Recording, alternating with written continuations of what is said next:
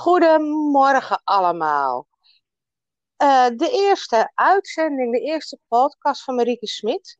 Uh, Bart Heling is mijn gast. En Bart Heling heeft ook de naam gegeven aan de podcast Tell a Story. Uh, heel toepasselijk, want ik word storyteller genoemd. En daar wil ik het over hebben. Over storytelling en LinkedIn.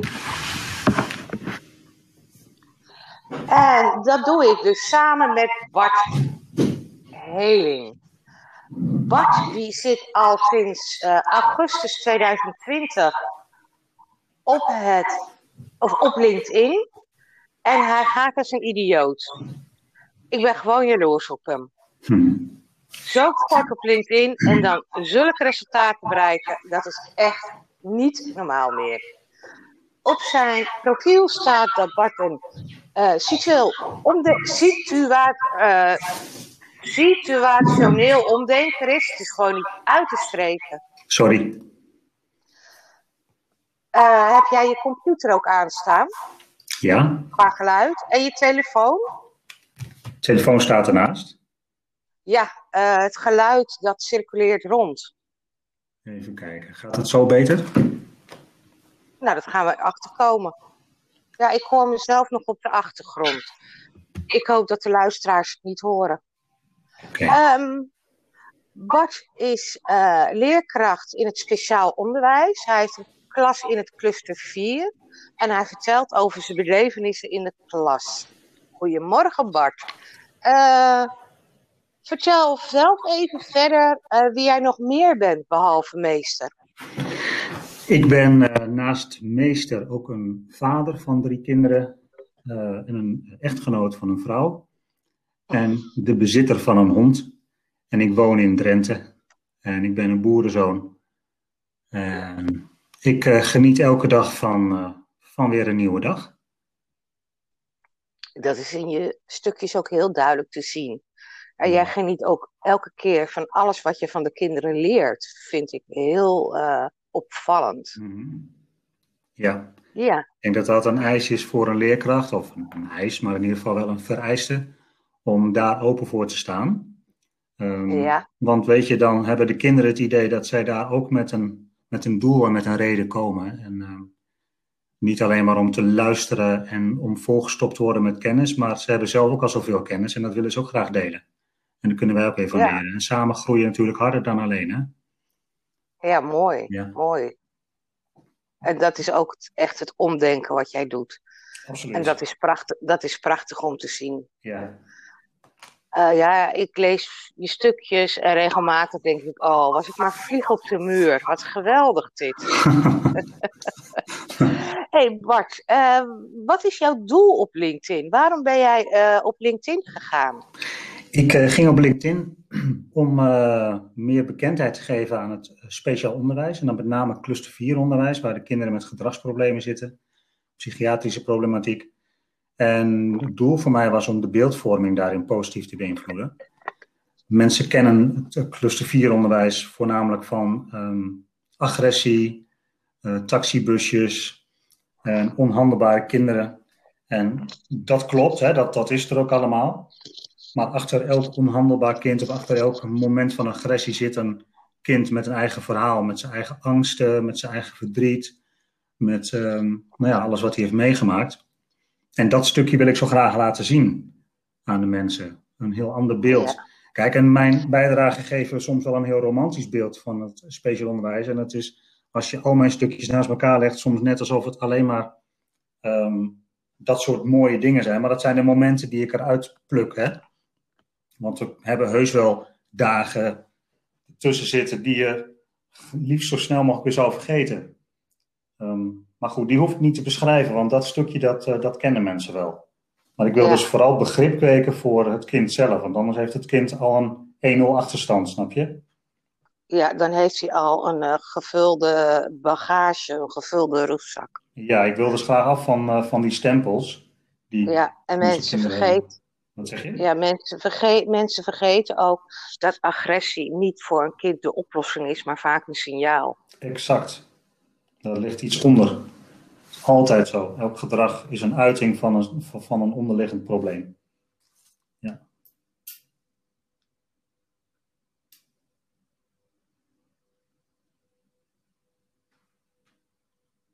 Het geluid is weg. De tijd loopt nog wel. Maar ik hoor je niet meer. Oh, Ah. ik hoor jou ook. Nu ben je er wel weer. Oké. Dit was een breukje in het eh draad, denk ik.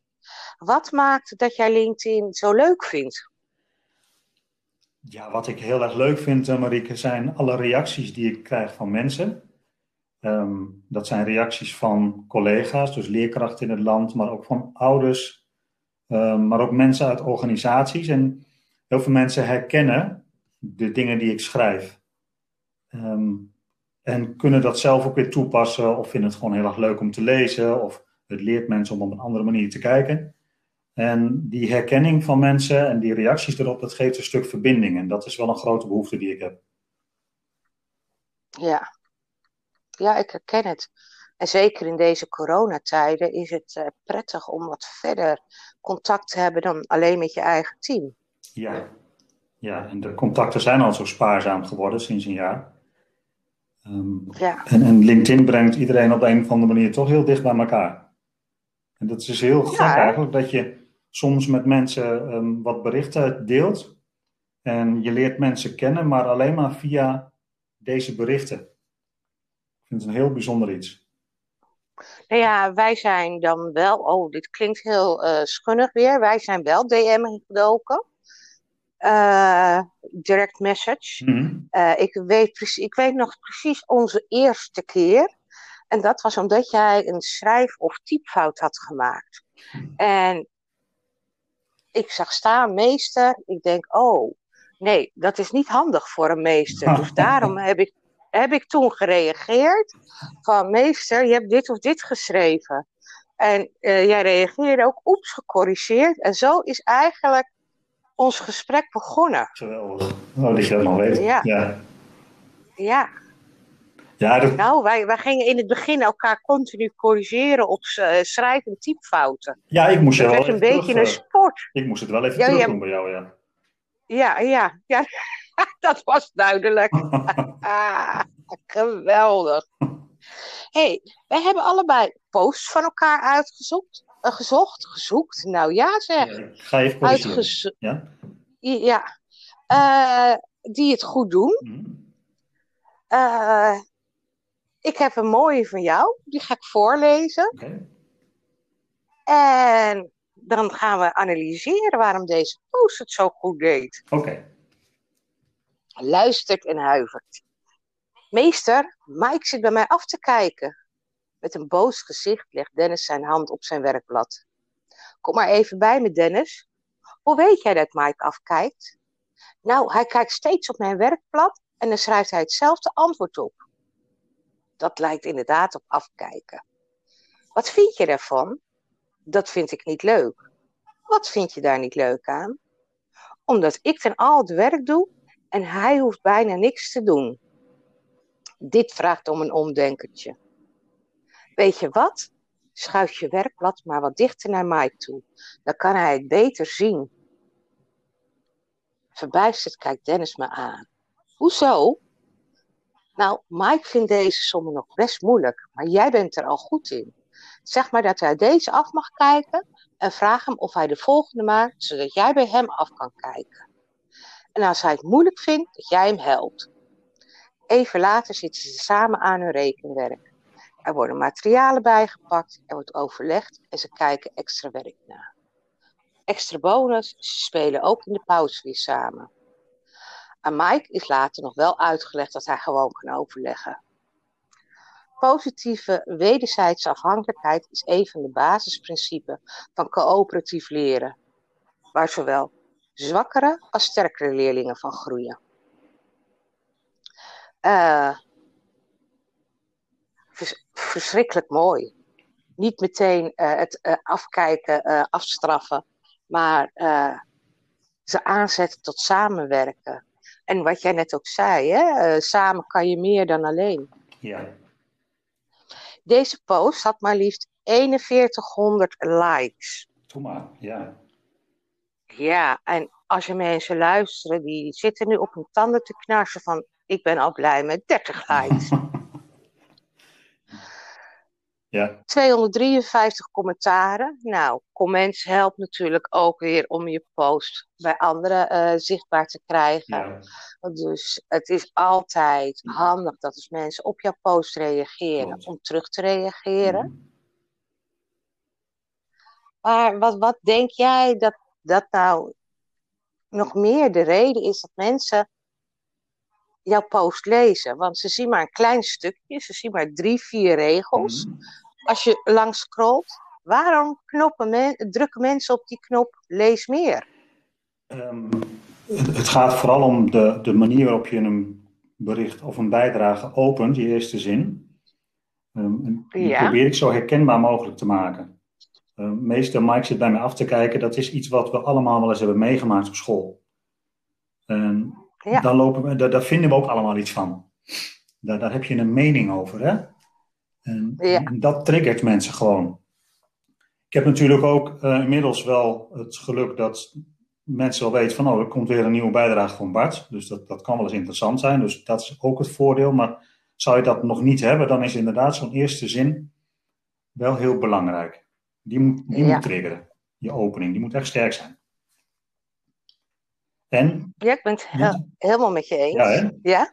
En ehm, wat ik er ook vaak dan bij doe, is dat die situatie die ik beschrijf, die koppel ik ook aan een bestaande theorie. Ehm, en dat ze op het eind sluit ik af met een onderdeel van coöperatief leren, wat ook veel toegepast wordt op school.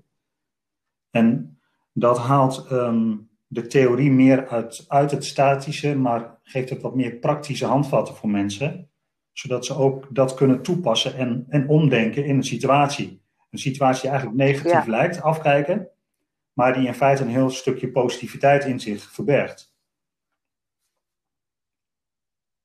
Ja, ja.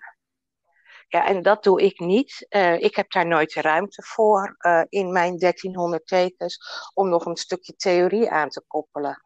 Jij kan de situatie nog kleiner maken dan ik. Hè, vaak maken wij eh, iets veel te groot om over te vertellen. En de kunst bij schrijven in 1300 tekens is het juist om het klein te houden. Niet te veel te willen schrijven. Hou het, hou het klein. En dat kleine kan je dan mooi uitlichten. Ja, want soms heb je een stuk geschreven en dan zit, heb ik ook wel eens zit ik boven die 1300 tekens. Maar dan blijkt dat ik een complete paragraaf van mijn verhaaltje gewoon weg kan laten. Zodat nog steeds de Ja. essentie er staat. En dan haal ik die hele paragraaf gewoon weg. Ja, schrijven is schrappen. Klopt. Hetzelfde. Ja. Wat ik trouwens erg leuk vind. eh, jij schreef altijd in eh, verleden tijd. In je verhaaltjes. Ja, En ik heb je geadviseerd op een gegeven moment. Doe het eens in tegenwoordige Klopt. tijd. Merk jij het verschil? ja. En wat jij toen al als tip meegaf, als je in de tegenwoordige tijd schreef, dan neem je mensen echt mee in je verhaal. Alsof het nu gebeurt. Ja, en er kan nog van alles gebeuren. dat kan nog van alles Tijdens, gebeuren. tijdens het lezen van de post. Klopt. En ik ben, was altijd een voorstander van in de verleden tijd. En ik, ehm, ik, ik heb altijd heel veel genoten van sprookjesverhalen. Er was eens. Ja, Ehm, die vind ik nog steeds heel erg leuk. En ook om voor te lezen in de klas. Maar ehm, ja, met LinkedIn heb je net een wat ander doel. Het is niet puur vermaak wat je schrijft. Het is inderdaad een, een boodschap of een les die je mee wil geven. Eh, een stukje verwondering ook. En dat werkt heel goed in de tegenwoordige tijd. Dankjewel nog. graag gedaan. Zo fijn als je gelijk hebt, hè? Oh, ik hou dat. Is dat nieuw voor je? Nee hoor. Het begint hier nu te ruiken. Oh jee. Ja, jij gebruikt ook altijd eh, eh, hashtags. Ja. Heb, je- heb jij daar nog onderzoek naar gedaan? Nou, meer tips die ik heb gekregen uit mijn omgeving. Dat hashtags die zijn belangrijk voor de algoritmes, maar dat heb ik ook.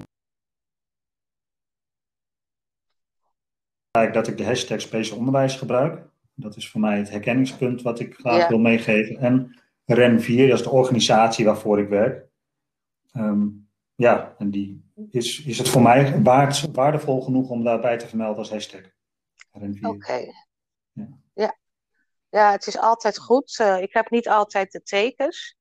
Uh, Ren 4 is geen echt bestaande hashtag, in die zin dat er echt volgers voor zijn, denk ik. Uh, speciaal onderwijs waarschijnlijk wel. Samenwerken ook. En omdenken zal een hele grote club met volgers hebben. Ik denk het ook. Yo, ik gebruik Marieke op haar plekje. Ik heb daar wel volgers op. Maar het is mm. natuurlijk de enige die deze hashtag gebruikt, ben ik. Ja. En toch, uh, tezamen met anderen gebruik ik hem, blijf ik hem gebruiken, omdat het wel aangeeft nou ja, dat ik echt ben waar ik wil zijn. Ja, dat lees je ook in jouw bijdrage hoor. Nou, dan gaan, dit is een mooi bruggetje. Dan gaan we nu. Uh, mag jij een bijdrage van mij voorlezen? Je had er al uh, twee uitgezocht. Ja, ik heb uh, twee uitgezocht met een, ook met een speciale reden. Uh, de eerste die is, um, even kijken. Ja, wat voor mij de, de kern is, denk ik, waarom jij dat werk doet, maar wat het ook zo extreem belangrijk maakt wat jij doet. En die ga ik nou voor je voorlezen. -huh. En met nog een compliment voor de wijze waarop je die van mij net hebt voorgelezen, trouwens. Prachtig. Ja, ik zat eerst te denken, gaan we onze eigen bijdrage voorlezen? Maar het is ook wel eens leuk om te horen hoe anderen het interpreteren, je verhaal. Ja. Ja, dus ik, ik, ik zit met spanning te wachten nu. Komt-ie. Terwijl mijn collega en ik mevrouw samen naar bed brengen, vraagt mevrouw opeens: Marieke, denk jij dat ik het Sinterklaasfeest nog meemaak? Mevrouw, die langzaamaan aftakelt, geniet nog zo van de kleine dingen in het leven.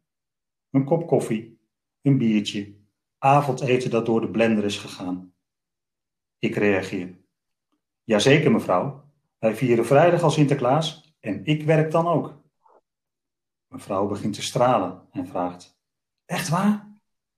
Ik knuffel haar even en dan gaan we mevrouw wassen. Ook haar kruis is aan de beurt, die mevrouw van bijna 70 mijn poes noemt. Ik tegen mevrouw: Mevrouw, we gaan even je poes wassen. Waarop mevrouw reageert met: Zolang die niet miauwt, kan je dat gewoon doen hoor. Na het serieuze gesprek komt de slappe lach. Mevrouw heeft ineens allemaal gekke opmerkingen en het naar bed brengen duurt twee keer zo lang. Als ik het licht uit doe en wel trusten, leuk gek mens, zeg, giechelt mevrouw nog na. En dan ineens klinkt uit de donkere slaapkamer nog even. Je moet van het leven zelf een feestje maken. Wat kunnen mijn bewoners ons nog een hoop leren? Ja, die heeft mij wel geraakt. Ja, zoals jij mij voorleest ook. Jij mag al mijn bijdragers voorlezen. ik heb hem zelf geschreven, maar hij komt helemaal binnen bij me. Ja. Ja. nou, wat jij net zelf al zei, dit is een heel kleine gebeurtenis met een enorme impact. Ja. De, de waardigheid straalt er vanaf. Um, het, het gewone doen over iets wat misschien heel taboe rijk zou zijn, het wassen van iemands kruis. Um, je beschrijft het gewoon, want dat is de realiteit die je meemaakt in je werk. Ja. Um, je doet dat met humor, je doet dat met gelijkwaardigheid. En je laat, net als wat ik met de leerlingen doe, laat jij ook de bewoners jou nog weer heel veel leren. Um, en dat stukje kwetsbaarheid wat je laat zien in jouw bijdrage, dat, dat komt binnen en dat raakt. En ja, deze had ook een groot bereik, heb ik gezien. Uh, ja, ja inderdaad. Heel mooi. En de humor, hè? Avondeten door de blender is gegaan. Briljant, toch? Ja, nou ja, maar die gaat ook door de blender. Toen, nu gaat het weer goed. Nu eten ze weer de gewone patatten eh, gewoon er doorheen. Maar we hebben ook een periode gehad dat de patatjes door de blender gingen. Wauw. En dat is die vrouw die nog niet zeker wist dat ze het Sinterklaas zou halen en ze is er nog steeds? Ze is er nog steeds. Ze kwam in juni mijn, eer, nee, mijn eerste werkdag nadat ik weer terug was op de werkvloer, mhm. kwam zij thuis. We zijn dus gelijkertijd weer begonnen. En ze is ontslagen uit het ziekenhuis om thuis te sterven. Maar ze geniet nog van elke minuut. En een koekje en even samen kletsen. De verzorgingsmomenten. Uh, en wij zien dat ze het echt steeds zwaarder krijgt. Maar ze vecht om bij ons te blijven. Fantastisch, hè? Wat een levensdoel. Ja. ja. Inderdaad. En zelfs als iemand anders een cadeautje krijgt, dan straalt zij. Ik vind dat zo bijzonder. Ja. En, en ze, uh, verstandelijke beperking, zeggen wij dan. Zij mhm. voelt precies aan als een collega niet lekker in de vel zit. Okay. Of dat ze aan mij vraagt, Marike, kan jij wel zo lang staan? Want jij bent ook erg ziek geweest. Ja. Ik, heb, ik ben in het ziekenhuis geopereerd waar zij heeft gelegen. Dus ja, ziekenhuis, dan ben je echt heel ziek geweest. Dat weet zij. Ja. Dus zij legt dat meteen van, ja, maar kan jij mij wel zo lang vasthouden? Kan jij wel zo lang mij verzorgen? Mm En ze ziet het ook meteen, hè. Als ik moeier ben, dan ziet ze het aan mijn gezicht. Dan heeft niemand het nog gezien. En dan zegt zij, Marika, ga even zitten. Echt, hè? Zo schattig, zo lief. Ja. Ja, dat is heel belangrijk. Hè? Je bent dan niet aan het uh, beleren of aan het betuttelen of zo, maar ze mag gewoon helemaal zijn wie ze is. Ja. Zo belangrijk. Ja, weet je, door deze hele coronaperiode mogen we niet te veel knuffelen. Maar af en toe denk ik het liefst van schuif op in bed. Kruip ik even naast je, even mijn armen om je heen. even kroelen. Maar ja, dat mag niet. Nee. En dat soort dingen wat jij nu beschrijft, dat leer je ook niet in een opleiding of zo. Hè? Dat zit in je karakter, hè? Ja. Ja. Ja, want ook in deze tijd vind ik het heel moeilijk om van de, ja, oh wat klinkt dit fout, maar om van de bewoners af te blijven. Mm Als ik langsloop, is het even onder de kin kriebelen, een arm, een hand door het haar, ja. even in de zij prikken, even een knuffel zo, zo, ben ik. Zo ben ik altijd geweest. En zo reageren de bewoners op mij ook.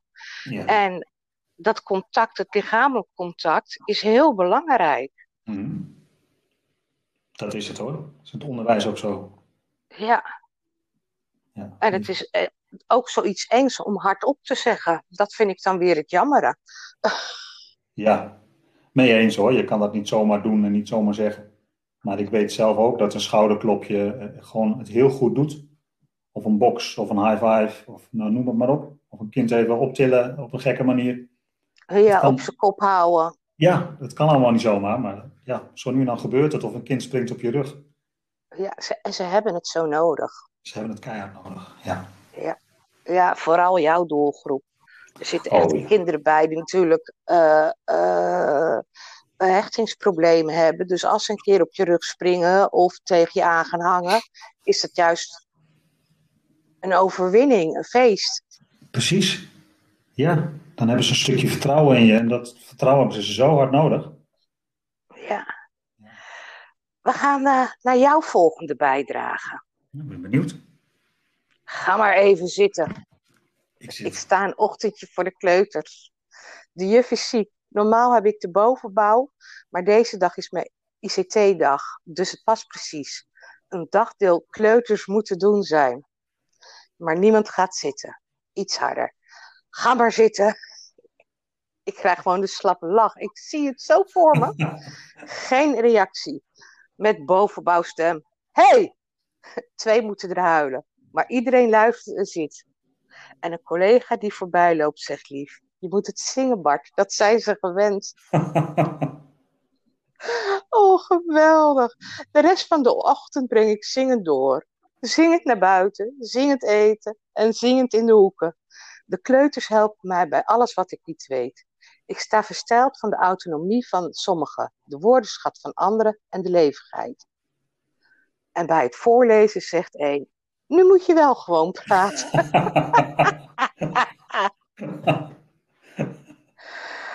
Uh, dan staat Maaike voor me en zegt: Jos heeft gepoept. dus, dus. ik ben blij. Ik, ik zie jouw wanhoop zo voor me. Ja. Ik ben blij wanneer ze om 12 uur opgehaald worden. Maar dan staat er om 1 uur een boze oude voor me. Hoe ik het in mijn hoofd haal om het hartverscheurende liedje van de zeven kikkertjes in een boerensloot te zingen. Ja, dat kind was helemaal overstuur thuisgekomen. ja. Kleuterlijster is specialiteit. Ik begrijp nu waarom het voorheen een aparte opleiding was. Oh, geweldig. 2700 likes. Oh, maar ik heb zo in een deuk gelezen dat ik deze las. Ja.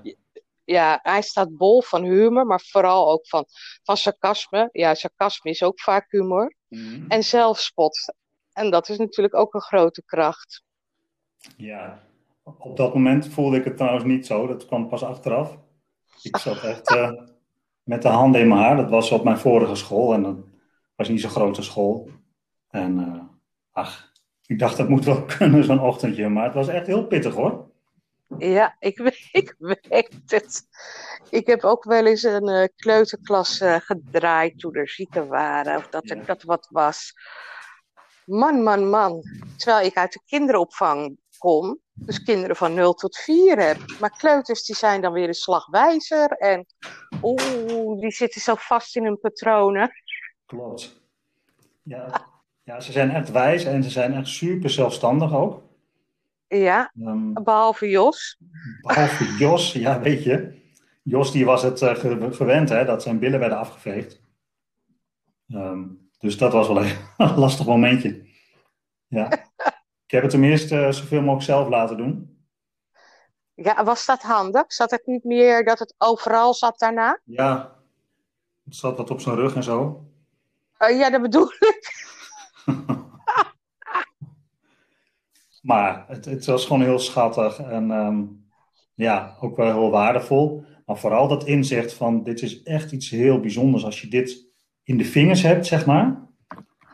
Ehm, ze hebben zo'n andere manier van leren. En eigenlijk is het jammer dat we die manier van leren weghalen op het moment dat ze naar groep 3 of groep 4 gaan. Ja, Hè? Kinderen moeten in groep 3 ook heel erg lang wennen aan het stilzitten en het werk aan een tafel. En lijkt me ook logisch, want dat zou eigenlijk helemaal niet zo moeten zijn. nee, de overgang is veel te groot. Ben ik helemaal met je eens. Ja, er zou veel meer en veel langer gespeeld mogen worden op school. Maar goed. Ja, en zeker nu kinderen thuis ook steeds meer achter een beeldscherm zitten en minder bewegen. Mhm, En ze moeten die energie kwijt. Dus dan krijg je de wiebelende kinderen. klopt. Ja, alleen maar meer. Ja, absoluut. Nou, wat grappig dat je deze erbij haalde. Ja, nee, ik, ik, ik zie jou gewoon jou letterlijk met je handen in je haar staan. Ik heb je nog nooit gezien, maar ik zie het voor me. En zoals jij dan begint, allemaal even gaan zitten. En Ja hoor, niemand zit. En ik, ik herken het ook. Ehm, ik heb eh, zelf op een woonwagencentrum op een peuterspeelzaal gewerkt. Ja, En ja, daar wordt toch wat meer geschreeuwd. Ik wil het niet over één kam scheren, iedereen. Eh, maar daar gaat de opvoeding toch anders dan bij mij thuis. ja, En waar ik thuis zeg van jongens, ga eens even zitten.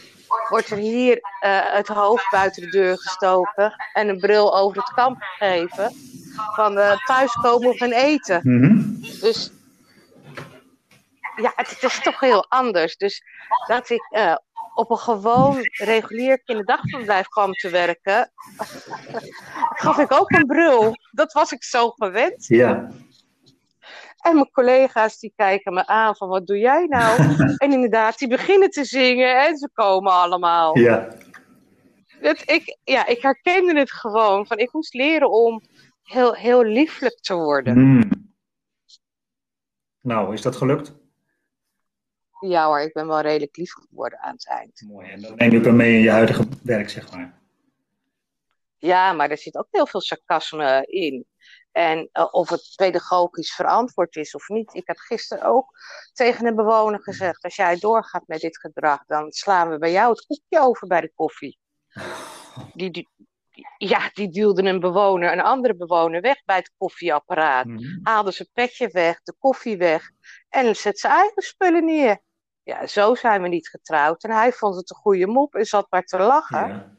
En hij wilde niet luisteren. Ik zeg, nou, dan krijg je maar geen koekje. En toen? Ik denk, je kan, ik zeg het van tevoren, dus hij kan een keuze maken. Zo zit ik dan in elkaar, hè. Ja. Van, ja, is het een dreigement? Nee, ik geef je geen, het is geen dreigement, ik geef een keuze. Mhm. Nou, mijn collega was erg verbaasd dat ik volhield dat ik met dan bij iedereen langs ging en niet bij hem. Ah, hebt... Ja, toen zag je hem ja. toch wat zuur kijken. Ja, ja, Ik zeg, ja Jo, ik heb het gezegd. ja. Ja. En daarna? Ja, schoot hij toch weer in de lach, want hij herinnerde het zich en hij bleef de rest van de avond inniken. Oké. Dus ik weet niet of het geholpen heeft. Maar misschien voor de volgende keer, als ik dan alleen maar eens hoef te zeggen: eh, Weet je dat koekje nog? Ja, precies. Ja, dat hij dat daaraan koppelt, zeg maar, aan die gebeurtenis. Ja, Ja. Maar is het niet iemand met een structureel gedragsprobleem of zo, dat hij een signaal afgeeft?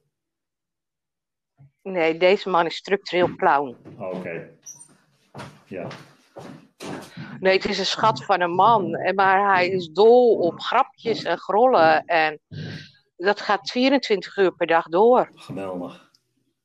Die, die, kan nog, die drukt toch zes keer per dag belletje. Hij is bijna 80. Echt?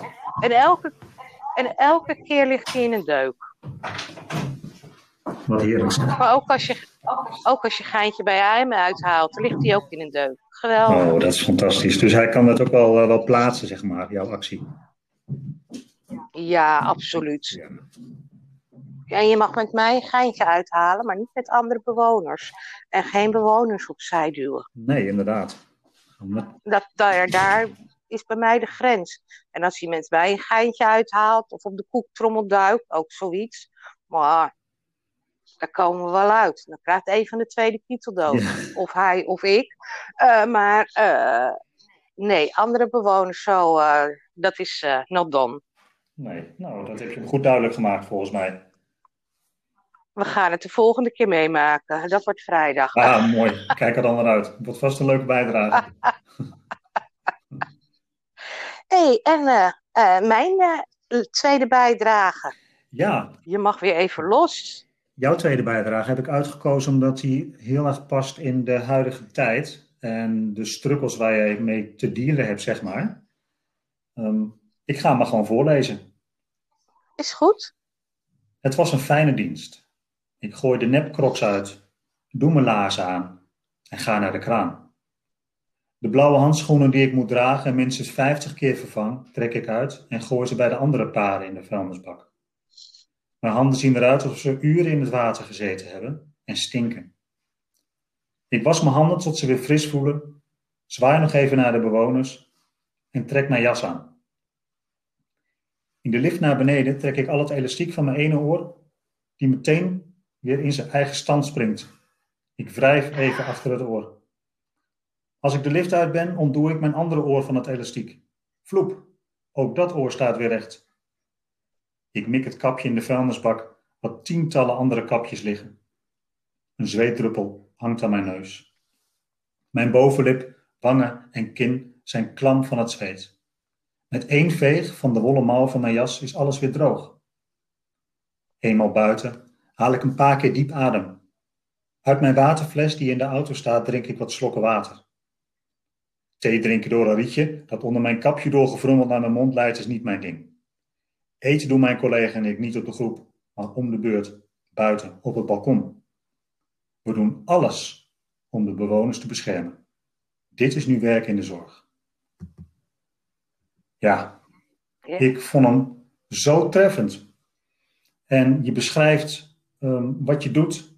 Je doet het heel systematisch. En dan zo'n stukje in de zin, zwaai nog even naar de bewoners. Dus nog even die verbinding die je dan maakt met de mensen. Het gaat niet om jou. Het gaat niet om het feit dat jij het zo moeilijk hebt met de mondkapjes en de handschoenen. Het gaat je nog steeds om de bewoners. En daar sluit je ook mee af. Ja. Ehm, ja, een zweetdruppeltje dat aan je neus hangt. Dus dat soort kleine details, die maken het ook zichtbaar. Die halen echt een beeld in je naar boven van hoe het werkelijk is. En het is net alsof ik zelf al die handschoenen en die mondkapjes op dat punt op heb. En zelf een zweetdruppel aan mijn neus hangen. Ik vond het een hele treffende. Ja, ik heb deze post heel bewust geschreven. Die, die zou ik vandaag weer hebben kunnen schrijven, of gisteren, naar die beelden van al die jongeren in het park. Eh, ik, ik heb gisteren ook onder een post gereageerd. Iemand had dus de beelden, een filmpje van, eh, of een foto van al die jongeren in het park. En daarboven Nederland is het zat. En eh, hè, dit, zou een, een, een oproep zijn, of een, we moeten stoppen uh, met al de regels, we zijn er klaar mee. Ik heb ook gereageerd, ik ben er helemaal niet klaar Mhm. mee. Wij hebben al die regels, al die extra BPM's, beschermende persoonlijke middelen, uh, om onze bewoners te, te beschermen. Ja, mijn halve gezicht is maar leesbaar, dus uh, de bewoners missen heel veel Ja. ook. Dat moeten wij op andere manieren corrigeren of compenseren. Ook dat we veel minder lichamelijk contact hebben, dat we buiten eten omdat het mondkapje afgaat. Al die maatregelen die we doen om te zorgen dat mochten wij uh, besmet zijn zonder dat we het weten, dat we de bewoners niet besmetten. Uh, bewoners in, in verzorgingstehuizen of zo, zoals mijn bewoners, die leveren veel meer in dan de reguliere, de reguliere mens zonder verstandelijke beperking. Wij kunnen nadenken. Wij weten wat anderhalve meter is. Mhm. Wij kunnen zelfstandig wandelen buiten, naar de winkel Ja. gaan. Allemaal dingen die onze bewoners niet meer Mhm. kunnen. Want die zien niet wat anderhalve meter is. Mhm. Uh, dus die kunnen die afstand niet houden. Uh, ook na een jaar proberen ze het mondkapje af te trekken of onder hun neus te hangen. Want het zit niet lekker. We kunnen het honderd keer uitleggen, maar dat blijft niet allemaal. Hè, waar meneer vroeger nog zelf uh, zijn pakje check ging halen, moet er nu altijd iemand mee.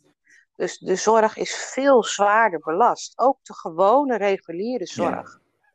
Ja. Uh, dus dat was eigenlijk mijn, mijn motivatie van mensen die brullen van uh, we zijn er klaar mee, moeten even realiseren dat als jullie er klaar mee zijn, wij nog een jaar verder gaan.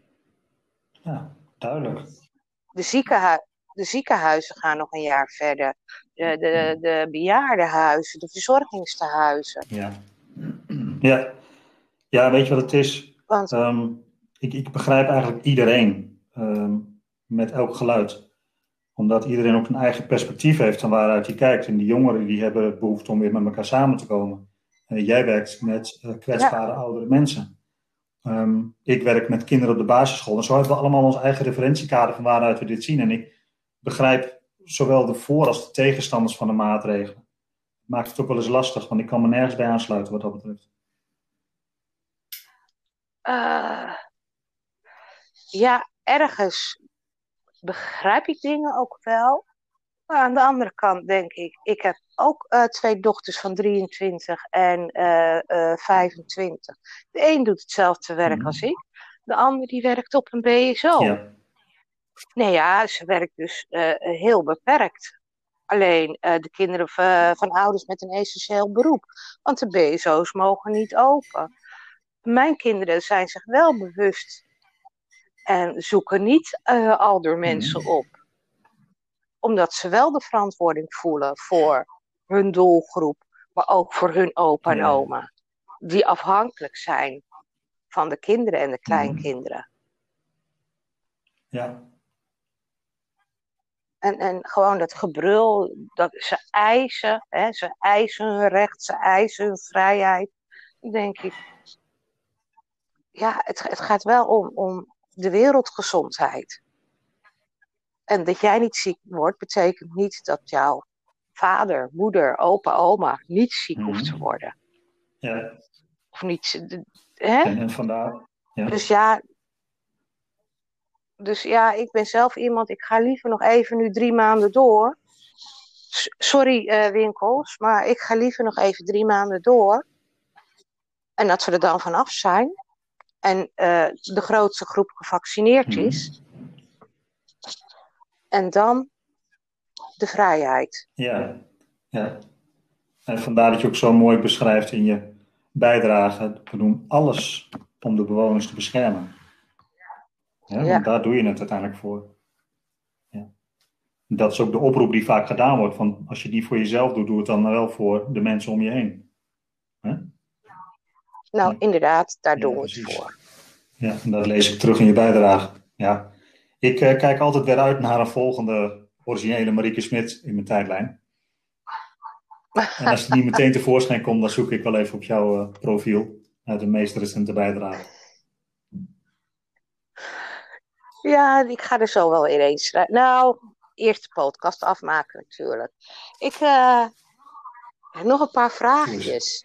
Ik heb gehoord over een boek dat er gaat komen. Ja, dat. Uh...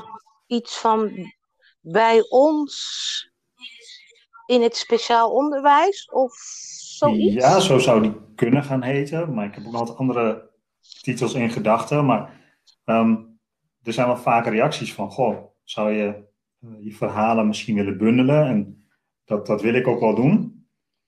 Um, maar ik wil er ook wel iets meer van maken dan alleen maar een bundel met een verzameling verhalen.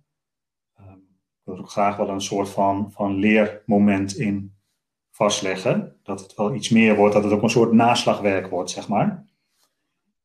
Uh En ik heb contact met een uitgever. Um, en samen gaan we eens kijken of we dat inderdaad concreet kunnen maken. Dus het is nog niet een vaststaand plan hoor. Het is nog geen datum van dan en dan komt er een boek. Dus het kan best nog wel heel even duren, maar het kan ook heel snel gaan. Maar het plan is er wel, Marieke. Oké. Nou, dames en heren, hou Bart Heling in de gaten. Uh, wil je over een jaar een leuk boek hebben voor onder de kerstboom? Hm. Dit gaat er een worden.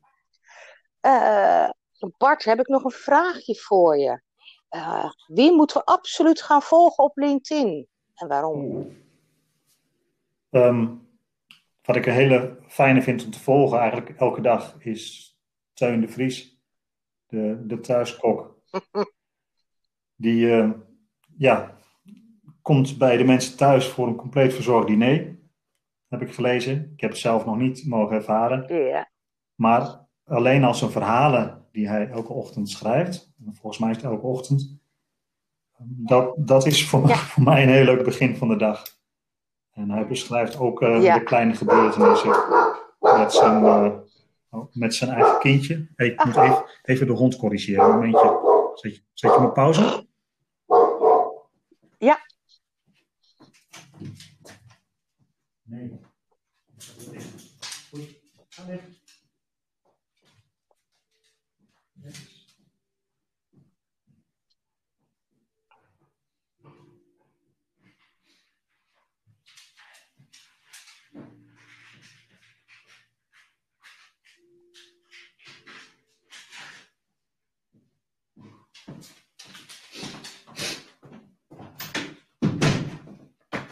Daar ben ik weer. Ja. Ja. Hij is meestal wel rustig, maar hij was even getriggerd door iets.